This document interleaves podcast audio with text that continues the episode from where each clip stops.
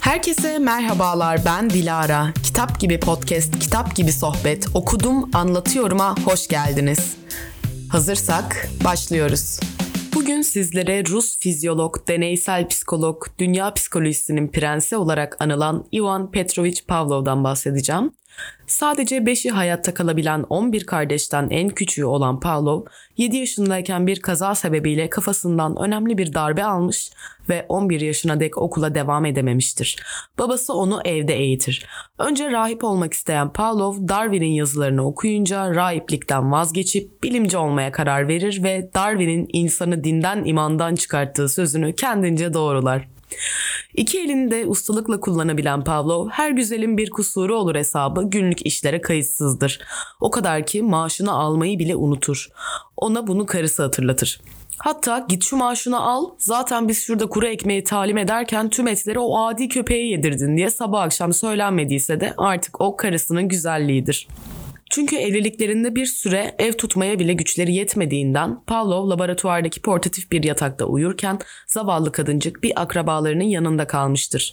Rusya'daki iç savaşta oğullarından birini kaybeden Pavlov neredeyse hayatının son anına dek bir bilim adamı olarak yaşamıştır. Ne zaman hastalansa kendisini inceler, öldüğü gün bile kendisini incelemeye devam etmiştir. Ölmeden önce söylediği son söz ise şu olmuştur. Şimdi kalkma zamanı. 1904 yılında fizyoloji ve tıp alanında Nobel ödülü almış olan Pavlov der ki, ne kadar çok şey keşfedersek o kadar çok bilinmeyen şey çıkar ortaya ve daha fazla soruyla karşılaşırız ve bilgiye giden yol sonsuzdur. Şimdi neymiş bu klasik koşullanma yoluyla öğrenme? Klasik koşullanma yoluyla öğrenme kuramı Ivan Pavlov'un yaptığı araştırmalara dayanıyor. Onun ortaya attığı bağ kurma yöntemiyle olaylar ve nesneler arasında bağlar kurulur. Pavlov köpekler üzerinde yaptığı deneyde bu yolu izlemiştir. Yaptığı deneyde bir eliyle köpeğine et verirken öbür eliyle de bir zili çalar. Köpek bunu başta anlamaz çünkü eti yemekten başka bir şeyle ilgilenmiyordur. Fakat bir iki derken Köpek bakar ki ne zaman zil çalsa peşinden et de geliyor. Bunun üzerine biraz biraz olaya uyanmaya başlar. Belli bir süre sonra Pavlov bakar ki köpeği Durzok sanırım. Telaffuz etmeye zorlananlar çomar da diyebilir. Ben çomar diyeceğim. Zil çalınca başlıyor salya akıtmaya. Neden? Çünkü zil çalınca et geldiğini anladı. Ete gösterdiği tepkiyi zile de gösteriyor. Yani etle zil arasında bağ kurdu. Klasik koşullanma yoluyla öğrenmeye tavuklarda da sıkça rastlanır. Mesela gider yem verirsiniz, gider yem verirsiniz. Belli bir süre sonra tavuk siz gelince yiyecek geldiğini öğrenir ve sizi görür görmez hemen size doğru koşar. Klasik veya Pavlov şartlandırması olarak bildiğimiz ilkenin yanı sıra Pavlov'un deney yöntemleri de psikolojinin felsefi değil, gerçek bir bilimsel disiplin olarak ortaya çıkmasında çığır açan adımlar olmuştur. Bu büyük fizyoloğun açtığı yolda giden ABD'de Watson normal ya da anormal bütün insan davranışlarının öğrenmeye bağlı olduğunu ileri sürdü. 1932'de Dunlop, tikler, kekemelik ve tırnak yeme gibi davranışlar için olumsuz uygulama kavram ve tekniğini geliştirdi. Thorndike 1932'de koşullanma adı verilen yöntemlerin kurallarını saptadı ve etkin koşullanma kavramını buldu. Öte yandan canlıların öğrenme sürecinin ayrıntıları araştırılıyor ve böylece dikkatler biliş kavramı üzerinde toplanıyordu. İsviçreli hekim ve biyolog Jean Piaget öğrenme sürecini ayrıntılarıyla ortaya çıkardı ve Avustralyalı hekim ve biyolog Konrad Lorenz de araştırmalarıyla dürtü ve güdülerin ayrıntılarını buldu.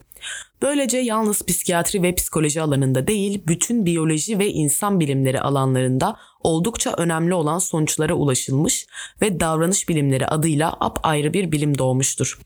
Bu yaklaşımda temel olarak insanın tepkilerini daha uygun hale getirmek için daha uygun tepkilerle değiştirmek ve uygunsuz tepkileri önleyecek tepkiler eklemek için tepkilerin koşullandırılması söz konusudur.